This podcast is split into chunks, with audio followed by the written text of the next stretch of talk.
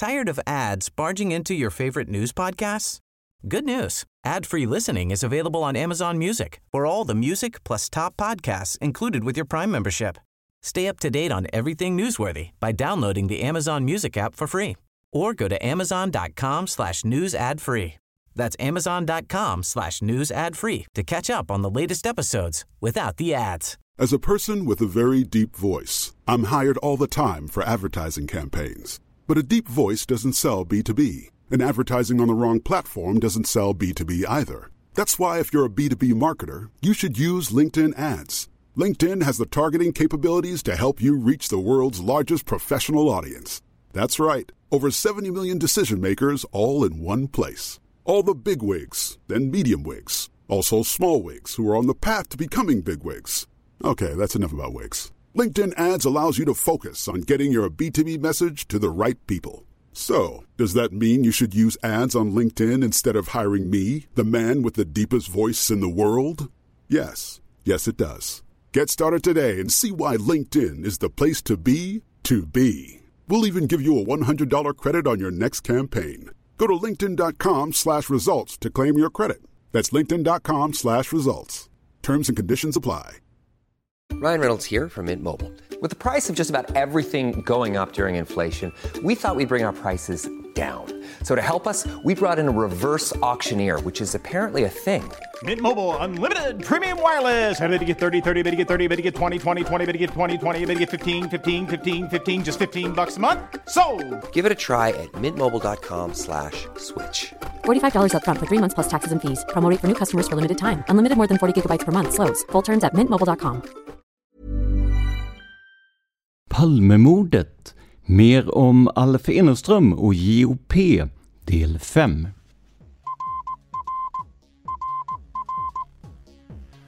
Sveriges statsminister Olof Palme är död. 90 000. Ja, det är mord på Sveavägen. Hörde de säger att det är Palme som är skjuten. Mordvapnet med säkerhet är en Smith Wesson, en revolver kaliber .357. Inte ett svar. Finns inte ett svar. För jag har Polisen söker en man i 35 till 40-årsåldern med mörkt hår och lång mörk rock.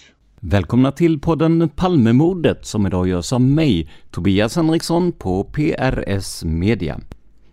Vi hälsar er välkomna till ett nytt år med podden Palmemordet. Som vanligt blir det en Palmevandring den 28 februari i år, där jag och Dan kommer att guida er i mördarens fotspår. Det blir också mat och intressanta gäster. Om du sponsrar oss på Patreon kommer du att få all information om hur du går tillväga för att delta via din Patreon-mail. Och apropå Patreon, om du vill medverka på Palmevandringen 2025 är det dags att bli sponsor nu. Gå in på patreon.com palmemordet och donera en summa som podden får per publicerat nytt avsnitt. Görs inga nya avsnitt så dras heller inga pengar. Om du hellre vill göra en engångsdonation så hittar du alla sätt att göra detta på i avsnittsbeskrivningen. Idag ska vi återigen titta närmare på Alf Eneström och JOP och få en del ny information kring dem och deras kampanj mot Olof Palme. Vi har i fyra tidigare avsnitt gjort ett omtag på det här spåret och i och med det kunnat presentera nya omständigheter och förhör som bidrar till att fördjupa bilden av Alf och Gio. I det här avsnittet ska vi närma oss nutid och se hur hatet mot Olof Palme kommer att omvandlas till ett lika starkt hat mot Göran Persson. Och ni kanske undrar vad hat mot Persson har att göra med Palmemordet? Men jag känner att det är en viktig del i att förstå Alf Eneström och hans fanatism och precis som i alla andra spår vill vi teckna en så komplett bild som möjligt av personerna som förekommer i utredningen. Och är det så att ni tycker att jag låter lite annorlunda idag så kan det bero på att jag har lite problem med halsen så det kan bli lite hostigt och sådär. Jag hoppas ni har överseende med det. Men i och med att Olof Palme sköts ihjäl den 28 februari 1986 försvann också Alf Eneströms största politiska fiende. Men för att lyckas som opposition behöver man ha en uttalad motståndare. Så även om vi inte sett något direkt hat mot Ingvar Carlsson som efterträdde Palme, så kom det att fortsätta när Göran Persson senare blev statsminister. Vi kommer alldeles strax till artikeln om just Göran Persson, men först måste vi vända oss till kontra nummer tre år 2000 för att få en bakgrund. Citat. Vad gjorde polisens terroriststyrka i Värmland? Sent om sidor, efter snart två år, har tidningen Arbetet skrivit om en händelse i Värmland sommaren 1998. Polisens terroriststyrka ingrep på en herrgård och grep läkaren Alf Eneström, som genom åren gjort sig känd som företrädare för den socialdemokratiska oppositionen. Det var mitt under upptakten till valkampanjen och Eneström hade som vanligt avsikten att driva opinionsbildning genom annonskampanjer. Kampanjer som inte brukar vara så positivt inställda till regeringen. Eneström fick aldrig veta varför han greps. Han släpptes dagen efter gripandet. Men i efterhand har det framkommit att husrannsakan gjordes för att leta efter vapen. På en herrgård i Värmland finns normalt flera vapen. Så också hos Eneström dock med vederbörlig licens. Ett vapen visade sig dock sakna licens. Det stod i en skrubb och tillhörde en tidigare anställd som tydligen inte tagit det med sig. Eneström hävdar att det kontant insamlade medel som förvarades i kassaskåpet, 600 000 kronor, försvann medan han satt gripen. Polisen tog under tiden hand om hans nycklar, vilket inkluderade kassaskåpsnyckeln. 15 stora annonser var planerade, bland annat en halvsida i Dagens Nyheter. Men nu kunde de inte alls publiceras. En inte ointressant detalj i sammanhanget var att Eneströms dotter vid tillslaget var i färd att gifta sig med försvarsminister Björn von Sydows nära släkting. Slutcitat. citat. Ja, det här är alltså bakgrunden till den artikel i kontra nummer 4 år 2000 som vi nu kommer att titta närmare på. Inledningen skrivs av redaktionen för tidningen Kontra. Därefter är det Alf Eneström själv som skriver. Citat. Återstår Göran Persson. Under början av 1980-talet blev läkaren Alf Eneström känd för sina åsiktsannonser riktade mot dåvarande socialdemokratiske partiledaren Olof Palme. Annonserna var undertecknade socialdemokratiska oppositionen och Eneström ansåg sig företräda den riktiga socialdemokratin vars budskap förvanskats av partiets ledning.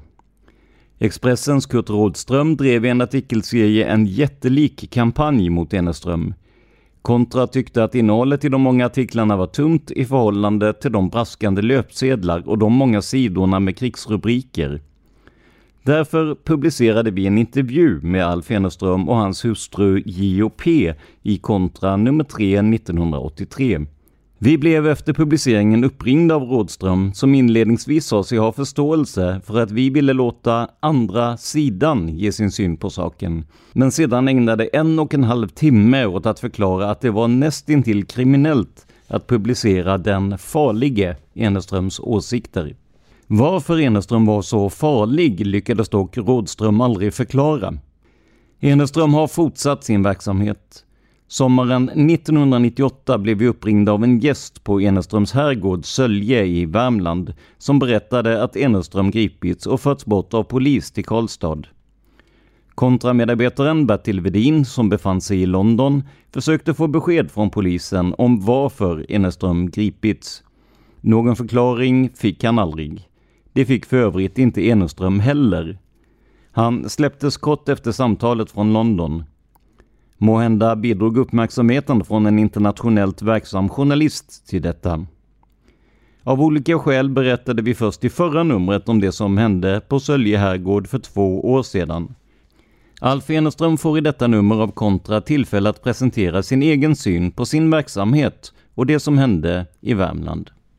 Och det som följer nu är alltså Alf Eneströms egna ord. Citat. USA vann det kalla kriget inte för att USA är ett eh, avmätt och överlägset land där allting är som det ska.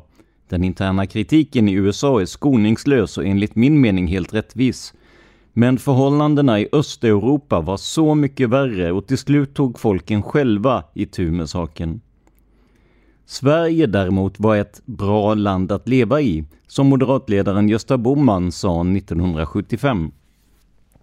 60-talet i Sverige hade varit ett fantastiskt årtionde för mänskligheten och i Tyskland hade man myntat uttrycket ”Schweden ist das Land wo die Sahne fließt” Kommentar, jag pratar inte tyska och dessutom är texten lite otydlig här, så det kan hända att jag uttalar det här fel. Ni kommer att förstå sammanhanget av nästkommande mening, slutkommentar.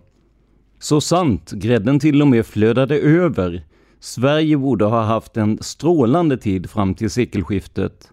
Men så blev det inte. Och både Boman och jag såg bockfoten. Det Vilhelm Moberg kallade palmeism och det som flertal kloka beskådare sett växa fram redan på 60-talet, men inte tillräckligt synligt för de politiskt svagt begåvade, till vilka både Gösta och jag beklagansvärt måste räkna oss. Varför var Wilhelm så mycket klokare? Världens största epiker måste vara klokare än vi, sa Gösta, och så var den frågan avgjord. Gösta och jag vann det kalla kriget i Sverige med 90 procent hjälp av den geniale partisekreteraren Gustav Jonnergård. Gustav har politiken i fingerspetsarna, sa vår allestädes närvarande vän Rolf Örjes, som hade direktkontakt med Torbjörn Fälldin, vilket faktiskt inte Gustav hade. Han beundrade Torbjörn för politisk hederlighet och stor arbetsförmåga, men ville gå in och styra där det behövdes, vilket han inte alltid fick. Dock vann vi det kalla kriget, som tyvärr slutade med Palmes död, och jag är idag, som jag var då, tacksam för att Gustav inte behövde uppleva den landsplågan. Han hade blivit förtvivlad och genast undrat vad han gjort för fel. Fälldin sa dagarna efter mordet på Olof Palme att han inte kunde tro att de politiska motsättningarna i Sverige blivit så stora att en demokratiskt vald statsminister måste dö på sin post. Och Gustav Jonnergård hade sagt detsamma. Sedan är det en helt annan sak att Palme gjorde saker som inte gick ihop med vissa medborgares rättskänsla och sedan i varje fall sommaren 1982 som enda lösning på landets allvarliga och ökande problem sett ta bort Palme. Vad det nu i deras ögon innebar. Ta bort behöver inte ske med en pistolkula i bröstet. Kommentar, här vet vi ju att Olof Palme faktiskt sköts i ryggen, men det tänker uppenbarligen inte Eneström på. Slutkommentar. Våld är nästan alltid den sämsta lösningen på alla mänskliga problem. Om SAP, Socialdemokratiska arbetarpartiet, hade skärpt sig efter Palmes död så hade det gått att rädda välfärdsstaten. Men det fanns ingen Branting eller Per Albin som kunde ta över. Det fanns bara en nolla. Ingvar Carlsson, som tio år senare blev utskälld på öppen gata i sin egen hemstad Borås av en ursinnig arbetarkvinna. TV visade spektaklet och folket hejade på i stugorna. Arbetsledaren skämdes gissar jag och han avgick från eh, den ena dagen till den andra och överlät till en som var ännu sämre och som skadat landet och särskilt arbetarklassen ännu mer. Göran Persson. En farlig diktatorsfigur som inte bryr sig om de unga som inte får hjälp, trots att hjälp finns hur mycket som helst. Bakom hörnet dit Göran Persson inte ens gick titta. 1998 års val, som var Göran Perssons första som partiledare, var ett sådant skräckscenario. Som ledare för det kalla krig som börjat igen efter Palmes död och som jag var ledare för som gammal trogen medlem i SAP såg jag bockfoten dyka upp igen i sin allra värsta skepnad. Folket lurades att rösta på sina egna bödlar. Vi såg redan sommaren 1997 vad valet 1998 skulle handla om. Palmeismen hade inte dött ut med Palme, utan nu såg allting ännu värre ut. Farten i nedbrytningen av landet hade ökat i ännu större omfattning. Man myntade ett uttryck för att lura väljarna, eller menetikel om man så vill. Kommentar, det här ordet var för mig okänt. Menetikel eller möjligen menetekel är en fras ur Gamla Testamentet. Det motsvarar ungefär ett förebud om undergång eller ett varnande förebud. Slutkommentar. Vi fortsätter citera Alf Eneström. De fattigaste lurades nästan hotfullt att fortsätta rösta på det parti som redan åstadkommit så stora skador. Skola, vård och omsorg som krävde större resurser, inte mindre som Göran Persson förfäktade. Folket led och världsbetraktarna av Sverige, som inte bodde här och inte behövde lida och dessutom inte hade en aning om vad som var rätt metod att rädda Sverige undan palmeismen, som nu levde sitt eget liv och inte längre hade mycket med Palme att göra. Dessutom, det allra farligaste, när större delar av världen rustade upp nämligen nedbrytningen av vårt en gång utomordentliga försvar, grundat på allmän värnplikt och en samlad folkstyrka, där alla som kunde röra ett finger var involverade, om man ville och var motiverad. Göran Persson flyr i sitt flygplan till den andra sidan NATO-gränsen om ryssarna anfaller och överklassen kommer vi inte att se röken av. Men arbetarnas barn kommer att dö som flugor och arbetare och bönder som inte kan lämna sina hem blir våldtagna och dödade.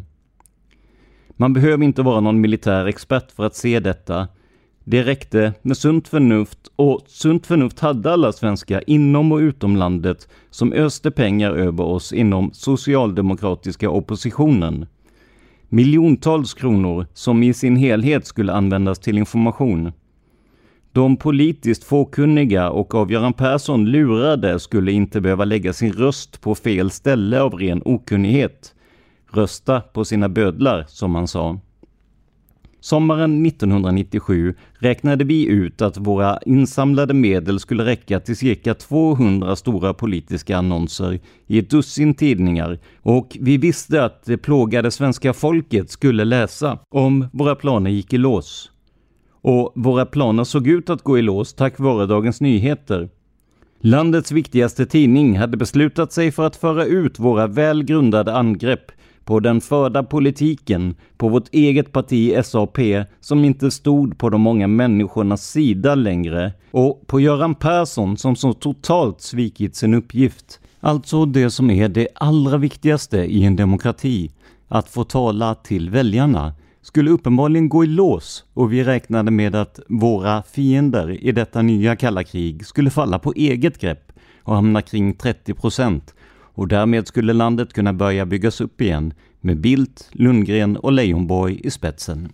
Allt var inte bra som de gjorde, men mycket var bra och arbetsklassen skulle få andningspaus i fyra år. Hämta andan, överleva, se sina barn må bättre och kanske känna att vi nu fått en arbetarvänlig regering igen.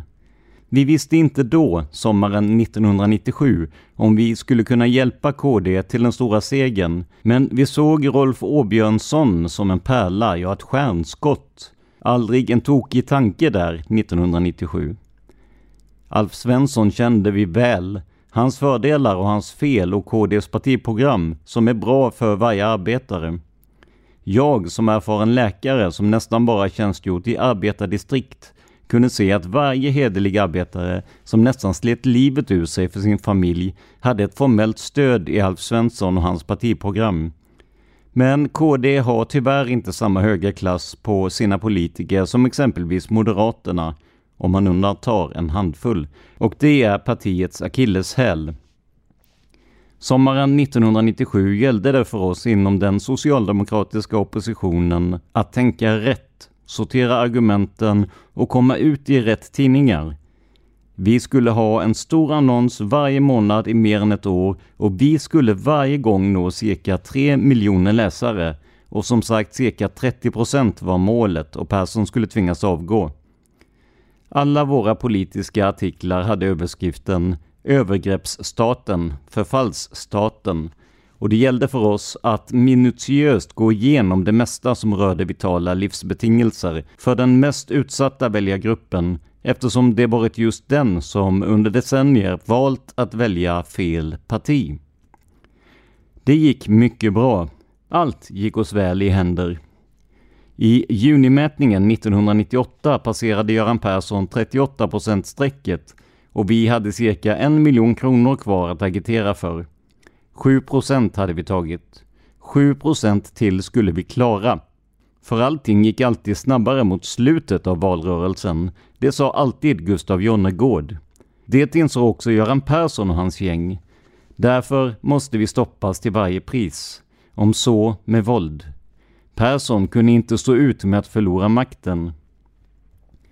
Det viktigaste som vi skrev och som skulle presenteras för väljarna på en halvsida i DN den 24 i semestermånaden juli 1998 och som var de socialdemokratiska marginalväljarnas livsluft och således helt avgörande för valutgången gällde skolan. Alla som läst om smörmakar Lekholm förstår sammanhanget.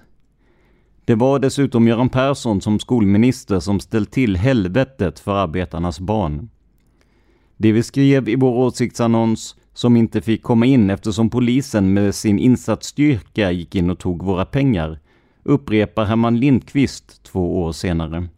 Han skriver de bortkastade åren, den misslyckade undervisningen och de värdelösa betygen går inte att reparera.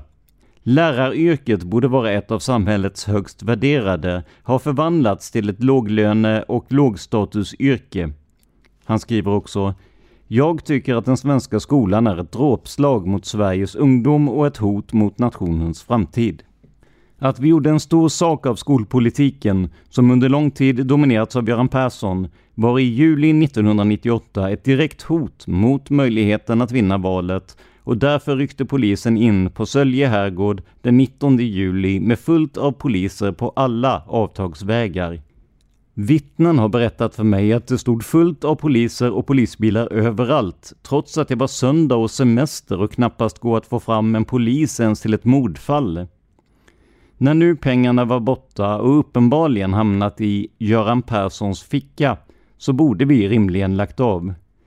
Det som hände i Zimbabwe i år hände i Sverige 1998. Men jag levde, även om det i första hand var mitt liv man var ute efter och folket ställde upp med nya pengar så att vi kunde göra ytterligare insatser. 36 procent blev slutnoteringen. Det var inte vad vi räknat med, för hade vi lyckats med vår stora kampanj under semestermånaden juli så hade resultatet blivit 32 procent. 30 procent var det mål vi hade räknat ut med den valmatematiska teknik som Gustav Jonnergård lärt oss. Alla tänkande politiker och intresserade medborgare förstår i vilket bättre läge Sverige hade varit idag om Carl Bildt hade fått ta över 1998 vi skrev i våra annonser att arbetarsonen Bo Lundgren var en suverän medarbetare till högdragne Bildt. Vi hade haft en heltäckande regering. De storas inom arbetarrörelsen tanke, med Bengt Lidfors i spetsen, var att minst lyfta arbetarna till medelklassens intellektuella medelnivå. Men de som ärvde makten, nollorna, Olof Palme, Ingvar Carlsson och Göran Persson gjorde tvärtom och sänkte arbetare och medelklass under den medelnivå som de gamla arbetarledarna inte stod ut med. Kommentar, här ska ni ju komma ihåg att det här är alltså Alf Eneströms ord och ingenting som vi står bakom. Slutkommentar. Tur att Branting, Sandler, Wigfors, Per Albin och Tage Erlander inte lever och behöver uppleva den smälleken att ha slitit förgäves. Slå upp en tidning idag eller slå på radion eller kanske besök en skolklass är så deprimerande att de gamla, om de än väcktes upp ur den eviga sömnen, inte skulle tro att det är Sverige man skådar. Vad hände på Sölje herrgård den 19 juli 1998? Med facit i hand så kan man se att våra politiska motståndare var ute efter att för all framtid stoppa socialdemokratiska oppositionens framgångsrika agitation, som under många årens lopp stötts av så många medborgare och med så många miljoner kronor. När Lars Leijonborg var partisekreterare för Folkpartiet så sa han att vi inom socialdemokratiska oppositionen hade mer pengar att agitera för än Folkpartiet hade lyckats samla ihop. För Göran Persson-gänget gällde det därför att effektivt stoppa oss. Sista mätningen i juni 1998 hade visat på 38 procent för SAP och nu hade inte Göran Persson råd att förlora mer och det var tre månader kvar till valet. Därför listade man ut en teknik för att stoppa oss. Söndagen den 19 juli skulle man slå till. Tanken var att jag som ledare för organisationen skulle skjutas. Det låter hemskt och är hemskt för att vara Sverige. Men den polis som är bäst insatt i utredningen har yttrat att varför ska inte det som händer i så många andra länder kunna hända här? Så sant. Man visste att jag regelbundet under häckningstiden på sommaren brukade gå i herrgårdsparken och skjuta kajor. Det måste vi göra för att småfåglarna ska ha en chans att överleva. As a person with a very deep voice, I'm hired all the time for advertising campaigns. But a deep voice doesn't sell B2B, and advertising on the wrong platform doesn't sell B2B either. That's why if you're a B2B marketer, you should use LinkedIn ads. LinkedIn has the targeting capabilities to help you reach the world's largest professional audience. That's right, over 70 million decision makers all in one place. All the big wigs, then medium wigs, also small wigs who are on the path to becoming big wigs. Okay, that's enough about wigs. LinkedIn ads allows you to focus on getting your B2B message to the right people. So, does that mean you should use ads on LinkedIn instead of hiring me, the man with the deepest voice in the world? Yes. Yes, it does. Get started today and see why LinkedIn is the place to be to be. We'll even give you a $100 credit on your next campaign. Go to linkedin.com slash results to claim your credit. That's linkedin.com slash results. Terms and conditions apply. Tired of ads barging into your favorite news podcasts? Good news. Ad-free listening is available on Amazon Music for all the music plus top podcasts included with your Prime membership. Stay up to date on everything newsworthy by downloading the Amazon Music app for free or go to amazon.com slash news ad free. That's amazon.com slash news ad free to catch up on the latest episodes without the ads. Ryan Reynolds here from Mint Mobile. With the price of just about everything going up during inflation, we thought we'd bring our prices down. So to help us, we brought in a reverse auctioneer, which is apparently a thing. Mint Mobile unlimited premium wireless. Ready to get 30, 30, bit to get 30, bit to get 20, 20, 20, bit to get 20, 20, bit to get 15, 15, 15, 15 just 15 bucks a month. So, Give it a try at mintmobile.com slash switch. $45 upfront for three months plus taxes and fees. Promo rate for new customers for limited time. Unlimited more than 40 gigabytes per month. Slows. Full terms at mintmobile.com. På söndag morgonen klockan sex när jag stigit upp så tar jag med mig dubbelbössan. Men eftersom många sover i den stora byggnaden så väntar jag några timmar. Under tiden drar polisen ut med sin insatsstyrka, den så kallade terroriststyrkan. Jag upptäcker inget för poliserna håller sig gömda utanför häck och staket. Tanken är, vilket alla involverade numera erkänner, att när jag går ut med geväret och ner till stranden där kajorna sitter i hundratal i de höga träden så ska polisen följa efter. De som känner mig vet att jag alltid skjuter ut mot vattnet för att hagel inte ska kunna plockas upp av fåglarna. När första skottet går av står alltså polisen cirka 20 meter bakom mig och jag ser dem inte. I samma ögonblick som kajan faller mot marken så ropar insatsledaren och jag vänder mig överraskat om och då fortfarande med geväret riktat mot skyn. När jag sedan tar ner geväret så måste jag ju rimligen få det riktat mot poliserna och då skjuter man mig. Men Gud ville annorlunda. Jag hade nämligen inte tid att skjuta några kajor därför att på en flygplats 20 mil bort stod ett privatflygplan och väntade på mig. Planet skulle ta mig till Luxemburg där jag hade ett nummerkonto med pengar för augustiagitationen. Cirka en halv miljon kronor måste hämtas hem och det gick av vissa skäl inte att genomföra den normala vägen. Jag sköt alltså inga kajor. Istället skulle jag hämta en av mina bilar och smög mig därför bort från herrgården, fortfarande utan att veta att polisen dragit ihop den största skara som man någonsin sett i Värmland. På alla byvägar stod det poliser enligt ett flertal vittnen. Jag skulle av någon anledning inte komma undan. Men jag gick längs stranden och där fanns inga poliser och efter ett tag kallades jag tillbaka per telefon och inte ett ont anande återvände jag till Sölje herrgård. Utan att ha minsta rätt till detta anhöll man mig. Man gjorde en lagvidrig husrannsakan utan min närvaro, vilket är tjänstefel, och genomsökte i tre timmar utan min vetskap våra partilokaler och tog så småningom med den nyckel till kassaskåpet som man tagit av mig de av folket skänkta pengarna. Juliagitationen, ett dussin stora annonser i landets största tidningar, inklusive Dagens Nyheter, var per telefon beställda och godkända. Men utan pengar kunde inte den viktiga politiska informationen till folket fullföljas. Den viktiga semestermånaden juli, när just de socialdemokratiska väljarna i en spe skulle ha tid att läsa i hängmattan eller vid köksbordet. Just den tid som dessa väljare annars inte hade. Hade vi lyckats i den viktiga månaden juli så hade vi kanske haft en bättre regering idag och livet i Sverige hade varit lättare att leva för de många människorna. Göran Persson-gänget lyckades till hälften, men den sluga tanken att inkalla insatsstyrkan för att doktor Eneström plötsligt blivit galen och går i Herrgårdsparken och skjuter med dubbelbössa höll inte tiden ut som man hade tänkt, men håll med om att den var nära att lyckas. Pengarna som polisen tog ur kassaskåpet, 600 000 kronor, av folket insamlade och ihopsparade medel har vi inte fått tillbaka. Där slutar vi citera det här inlägget från Kontra. Det är alltså Alf Eneström som har skrivit om sin upplevelse på Sölje herrgård när polisen kom. Som ni hör börjar vi nu få se allt tydligare exempel på Alfs grandiosa sida och möjligen också av den förföljelsemani som kom att prägla hans liv mot slutet. Den största insatsen någonsin i Värmland och 600 000 kronor är bara två av de meningar som kan misstänkas vara starkt överdrivna. Nu tänkte jag såklart kolla vad etablerade media skrev om den här händelsen, men i de arkiv jag har tillgång till nämns inte detta alls. Har du tips om var jag kan hitta mer om den här händelsen? Hör gärna av er på simwaypodcast.gmail.com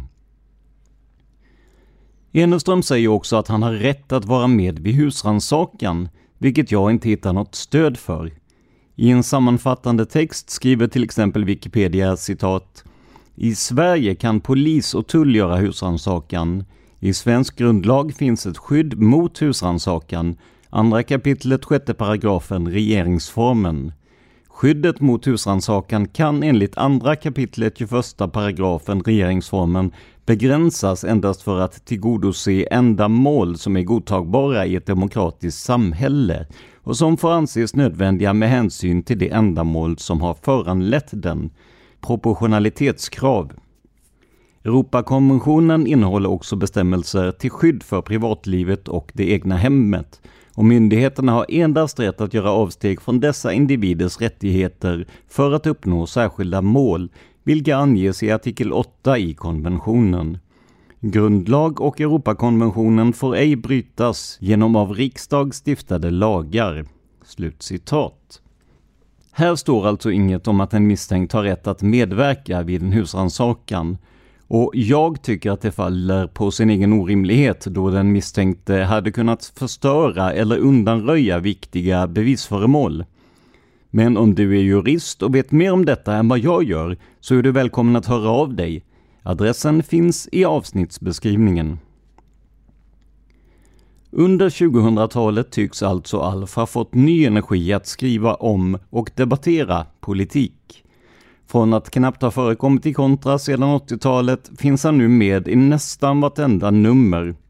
Som vi kommer att få se i nästa artikel från kontra nummer 5 år 2000 kommer också frågan om barn och omhändertagande av dem i fokus. Eneström fick ju ett av sina barn omhändertaget och beskyllde Palme personligen för detta. Men nu alltså till kontra nummer 5 år 2000. Citat. En lönsam bransch, socialgeschäftet. Omhändertagande av barn har utvecklats till en lönsam bransch. Så lönsam att det finns betydande ekonomiska intressen i saken. Den som råkar i socialödlornas klor har ofta svårt att göra sig trodd. Sådant händer ju inte i Sverige. Men det händer i Sverige. Och många drar sig för att överhuvudtaget berätta vad som hänt. De drar sig tillbaka och isolerar sig socialt med många tragedier som följd. Kommentar i den här texten förekommer en del namn och begrepp som sen finns förklarade i slutet av artikeln. Men när vi kommer till dem ska jag försöka sammanfatta vem personen är eller vad det är som avses direkt så att vi inte får allting på slutet sen. Slutkommentar. Åter alltså till Eneströms text. Vissa människor klarar inte av att leva. Automatiken fungerar inte. Vissa människor lever på att utnyttja andra. Det blir stommen i deras liv. Så har det varit i tusentals år. Dessa människor har levt vid sidan av dem som lever på egen livskvalitet. De är många och lätta att känna igen, särskilt för en läkare. Och om det hade fått vara så, så hade den här artikeln inte blivit till. För att ändra den treenigheten så att de inbördes grupperna förskjuts mot det bättre krävs nämligen oanade krafter och det var kanske det som Jesus trodde att han hade och troligtvis, det kan man nog se utan att behöva fråga påven, skulle världen varit mycket sämre om Jesus inte funnits. Men vad tänkte han när han gick här på jorden och såg bedrövelsen? Det får vi aldrig veta. Albert Viksten, den kända arbetarförfattaren, var enligt egen utsaga panteist, men han läste Bergspredikan och i sina tusentals anföranden, som alla gick ut på att blåsa liv i arbetarrörelsen, utgick han från Bergspredikan och det tyckte gamle kungen, Gustav VI Adolf, mycket om. För han var likadan, arbetarvän, plikttrogen och anspråkslös. Och här kommer vi då till den första kommentaren om personerna här. Albert Viksten 1889 till 1969 var alltså en välkänd arbetarförfattare och agitator. Slutkommentar. Men så fick det alltså inte vara länge till. Ytterligare en grupp människor utkristalliserade sig genom avknoppning för cirka 40 år sedan och hur det ska gå med detta vet vi inte än, men den första som oroade sig, mig veteligen, var läkaren Gustav Jonsson. Kommentar Gustav Jonsson 1907 till 1994 Barnpsykiater känd som Skå-Gustav. Han var förespråkare för fri barnuppfostran och grundade barnbyn Skå. Slutkommentar. Han skickade en bok till mig i slutet av 60-talet och han var mycket orolig. Han gjorde inte alltid rätt, för gissningsvis fick han inte de resurser som han behövde, men han tänkte rätt och gör man det så har man kommit en bit på väg. Varför var Gustav Jonsson så orolig? Jo, han såg farorna med att använda statens våldsmakt i vällovligt syfte under förevändningen att man sysslade med vetenskap till samhällets och människornas bästa. Charlataner skulle enligt Gustav under allt för många år få chansen att berika sig själva på två vägar, själsligt och pekuniärt. Dessutom skulle tekniken gå att använda politiskt, Grigorenko-syndromet, då man med lysenkoismen som måttstock använde vetenskapliga trick för att straffa oliktänkande. En av världens största vetenskapsmän genom tiderna, Nikolaj Vavilov, bekämpade detta med stor energi. Han mördades av Stalin. Kommentar, då ska vi ta reda på det här med Grigorenko-syndromet. Piotr Grigorenko 1907-1987 var en sovjetisk general som degraderades till menig och spärrades in på mentalsjukhus sedan han uttalat sig för yttrandefrihet. Lysenkoismen kommer från Trofim Lysenko 1898 till 1876 och han var genetiker. Han förespråkade teorin att förvärvade egenskaper kunde ärvas. Alla vetenskapliga studier har visat att detta är helt felaktigt. Men tanken tilltalade Stalin och Lysenko kunde därför dominera sovjetisk genetik ända fram till 1964 med förödande resultat bland annat för växtförädling och husdjursavel. Slutkommentar. Små uppstickare av denna teknik har säkert alltid funnits, med eller utan vetenskaplig grund. Häxprocesserna på 1600-talet och incesträttegångarna i 1980-talets Sverige. Personliga intressen styr. Kyrkan har intresse av att hålla folket på mattan och incestioterna såg chansen att göra snabba karriärer. En av de ledande advokaterna i Stockholm anser att cirka 300 domar avkunnades innan vi med politiska metoder fick stopp på galenskapen. Fäder tog livet av sig och särskilt ett fall som eh, jag som läkare fick insyn i blev väldigt tragiskt. Även ateister som Vilhelm Moberg citerade ibland Bibeln. Må rätten flöda fram så som vatten. Amos 5.24. Wilhelm krävde att man satt tyst och lyssnade på honom och det är inte lätt att glömma vad han sa. Ondskans departement gjorde den kände advokaten Lennart Hane till ett samlingsnamn på fjärde ståndpunkten som gjorde Gustav Jonsson så orolig 1970. Han tjänstgjorde då som klinikchef på Karolinska sjukhuset och han såg att någonting höll på att hända som skulle kunna skada folket på ett icke tidigare fantiserbart sätt. Långt värre än häxprocesserna. Ondskans departement omfattar mycket, en sorts sump som utan annan jämförelse kan liknas med Göran Perssons nya superdepartement. En sump som luktar förfärligt illa för den som kommer i närheten, men osynlig för de flesta medborgare. De som hamnar i den sumpen får ofta social fobi, det vill säga smiter undan även det som är uppenbart bra för dem själva. Kommentar social fobi skulle förmodligen inte definieras så här av nutida läkare, men det här är alltså vad Eneström själv skriver, slutkommentar.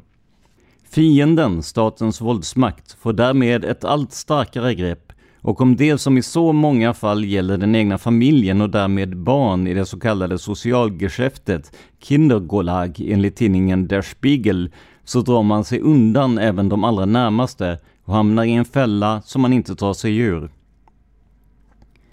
Även berömda och socialt starka kan råka ut för detta och jag brukar ta Alfred Krupp som ett exempel. Kommentar Alfred Krupp levde mellan 1907 och 1967 och var arvtagare till Krupp-koncernen som en tid var världens största företag. Han tillträdde som chef för företaget mitt under andra världskriget 1943. Han dömdes efter kriget till fängelse men återinträdde på sin post 1953. Slutkommentar. En av mina nära vänner efter kriget. Efter att helt felaktigt ha dömts till fängelsestraff men släppts efter mindre än halva tiden så var han inte densamme som tog över världens största företag efter sin pappa 1943. Han var ju bara sin fars son och alls ingen nazist. Han var också bara 35 år. Jag märkte att han ville umgås med mig eftersom jag dels var från Sverige och dels läkarstuderande. Det jag kallar statens våldsmakt och som på 70-talet blev en integrerande del i palmeismen och som grasserar i Sverige än idag 15 år efter Palmes död är en så vidrig företeelse att de som drabbas av den inte tror att de är i Sverige och de aningslösa medborgare som ryktesvis får del av galenskapen menar att det är falska rykten. Först när man beskriver saken i en regelbundet utkommande tidning eller tidskrift så inser de många att det är verklighet och många blir också mycket skrämda. Det har jag upplevt som läkare. Journalister har således stor makt. Makt över liv och död, vilket de inte alltid förstår. Alfred Krupp menar att om det funnits tio journalister i Tyskland som Kurt Tucholsky så hade Hitler kanske till och med kunnat bli en nyttig person. Kommentar Kurt Tucholsky levde mellan 1890 och 1935. Han var en tysk vänsterradikal författare som bodde under de sista sex åren av sitt liv i Sverige. Han är begravd i Mariefred. Slutkommentar. Det gällde att hela tiden iaktta maktens män och kvinnor och så fort en socialödla dyker upp för att omhänderta en fattig ensam moders barn så ska man fråga sig om hon har bot eller byte i blicken. Tusentals människor har skadats i den intellektuella och moraliska dynga som kallas socialgeschäftet, trots att tanken bakom lagstiftningen var god. Lagstiftaren tänkte nämligen inte på att eh, mycket skulle hamna i ondskans departement. Hur skulle de kunna tro detta? Inte heller jag fattade förrän jag gick kursen i barnpsykiatri Jag ville inte hämta ut mitt betyg. Det var för galet och jag ville inte detta. Men i Gustav Jonsson fick jag en kompis och som klinikchef tyckte han som jag.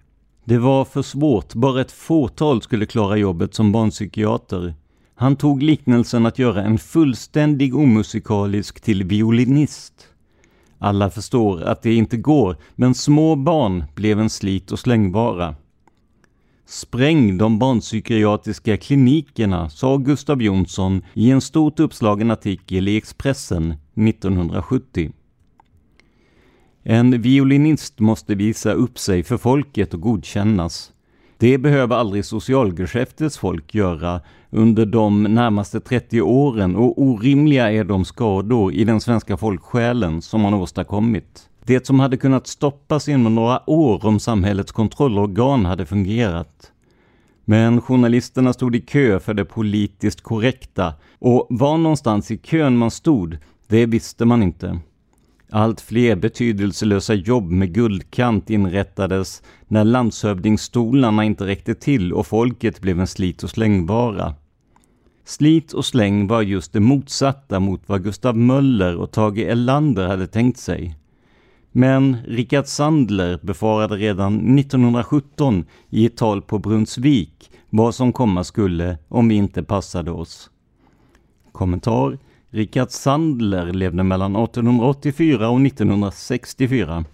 Han var statsminister 1925 till 1926 och hade flera andra statsrådsposter både före och efter detta.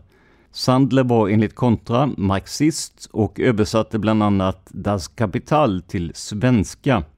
Vi ska också nämna att Brunnsvik som nämns här, eller möjligen Brunnsvik, är LOs folkhögskola strax utanför Ludvika i Dalarna. Slutkommentar. Han var en av dem som varnade för Olof Palme, men varningen gick inte fram. Han hade läst Albert Vikstens bok från 1961. Walter Åman var en annan som fattade. När Palme tog över 1969 låg arbetarrörelsen som en sårbar nyfödd som kunde utvecklas i vilken riktning som helst. Det hade kunnat gå bra. Där slutar vi citera den här artikeln skriven av Alf Eneström ur Kontra nummer 5 år 2000. Och som vanligt, allt som sägs i den här artikeln är Alf Eneströms åsikter. Det innebär inte att vi nödvändigtvis står bakom dem. Tired of ads barging into your favorite news podcasts? Good news! Ad-free listening is available on Amazon Music for all the music plus top podcasts included with your Prime membership.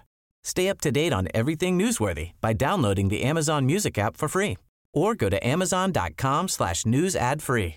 That's amazon.com slash news ad free to catch up on the latest episodes without the ads. Ja, att måna om barnen blev viktigt för Eneström, men bara utifrån sitt eget ganska snäva sätt att se på saken. Precis som i tidigare texter av Alf är det Socialdemokraterna som får klä skott för allt dåligt som hänt i Sverige. Och det hände såklart dåliga saker under Socialdemokraternas ledning, men det har det ju även gjort under andra partiers tid vid makten. Så Eneströms sätt att peka just på Palme, Karlsson och Persson känns mer än lovligt influerat av hans eget hat. Nästa gång vi återkommer till Alf är det för att titta på de senare förhören och också se hur hans sista tid i livet såg ut. Om du gillar det vi gör och vill stötta oss ekonomiskt så hittar du alla sätt att göra detta på i avsnittsbeskrivningen. Och vi påminner också att om ni vill ha möjligheten att nästa år, alltså 2025, vara med på den årliga Palmevandringen, så är det dags att bli sponsor på Patreon under första halvåret 2024. Om du har synpunkter eller frågor kring podden, kontakta oss gärna på simwaypodcast.gmail.com. Det är alltså z-i-m-w-a-y podcast at gmail.com. Vi hinner tyvärr inte svara på frågor om mordet och teorier, utan hänvisar till de olika grupperna i ämnet på Facebook. Det här var veckans avsnitt av podden Palmemordet som idag gjordes av mig, Tobias Henriksson på PRS Media. För mer information om mig och mina projekt besök facebook.com prsmedia.se eller gilla oss på Instagram där vi heter prsmedia. Ett ord, små bokstäver. Stort tack till VPU.nu och Palmemordsarkivet för föredömlig information om Alf Eneström. Men framför allt, stort tack för att du lyssnar på podden Palmemordet. Man hittar Palmes mördare om man följer PKK-spåret till botten. Därför att ända sedan Julius Caesars tid har det aldrig hört talas om ett mord på en framstående politiker som inte haft politiska skäl. Polisens och åklagarens teori var att han ensam hade skjutit Olof Palme. Och det ledde också till rättegång. Men han frikändes i hovrätten.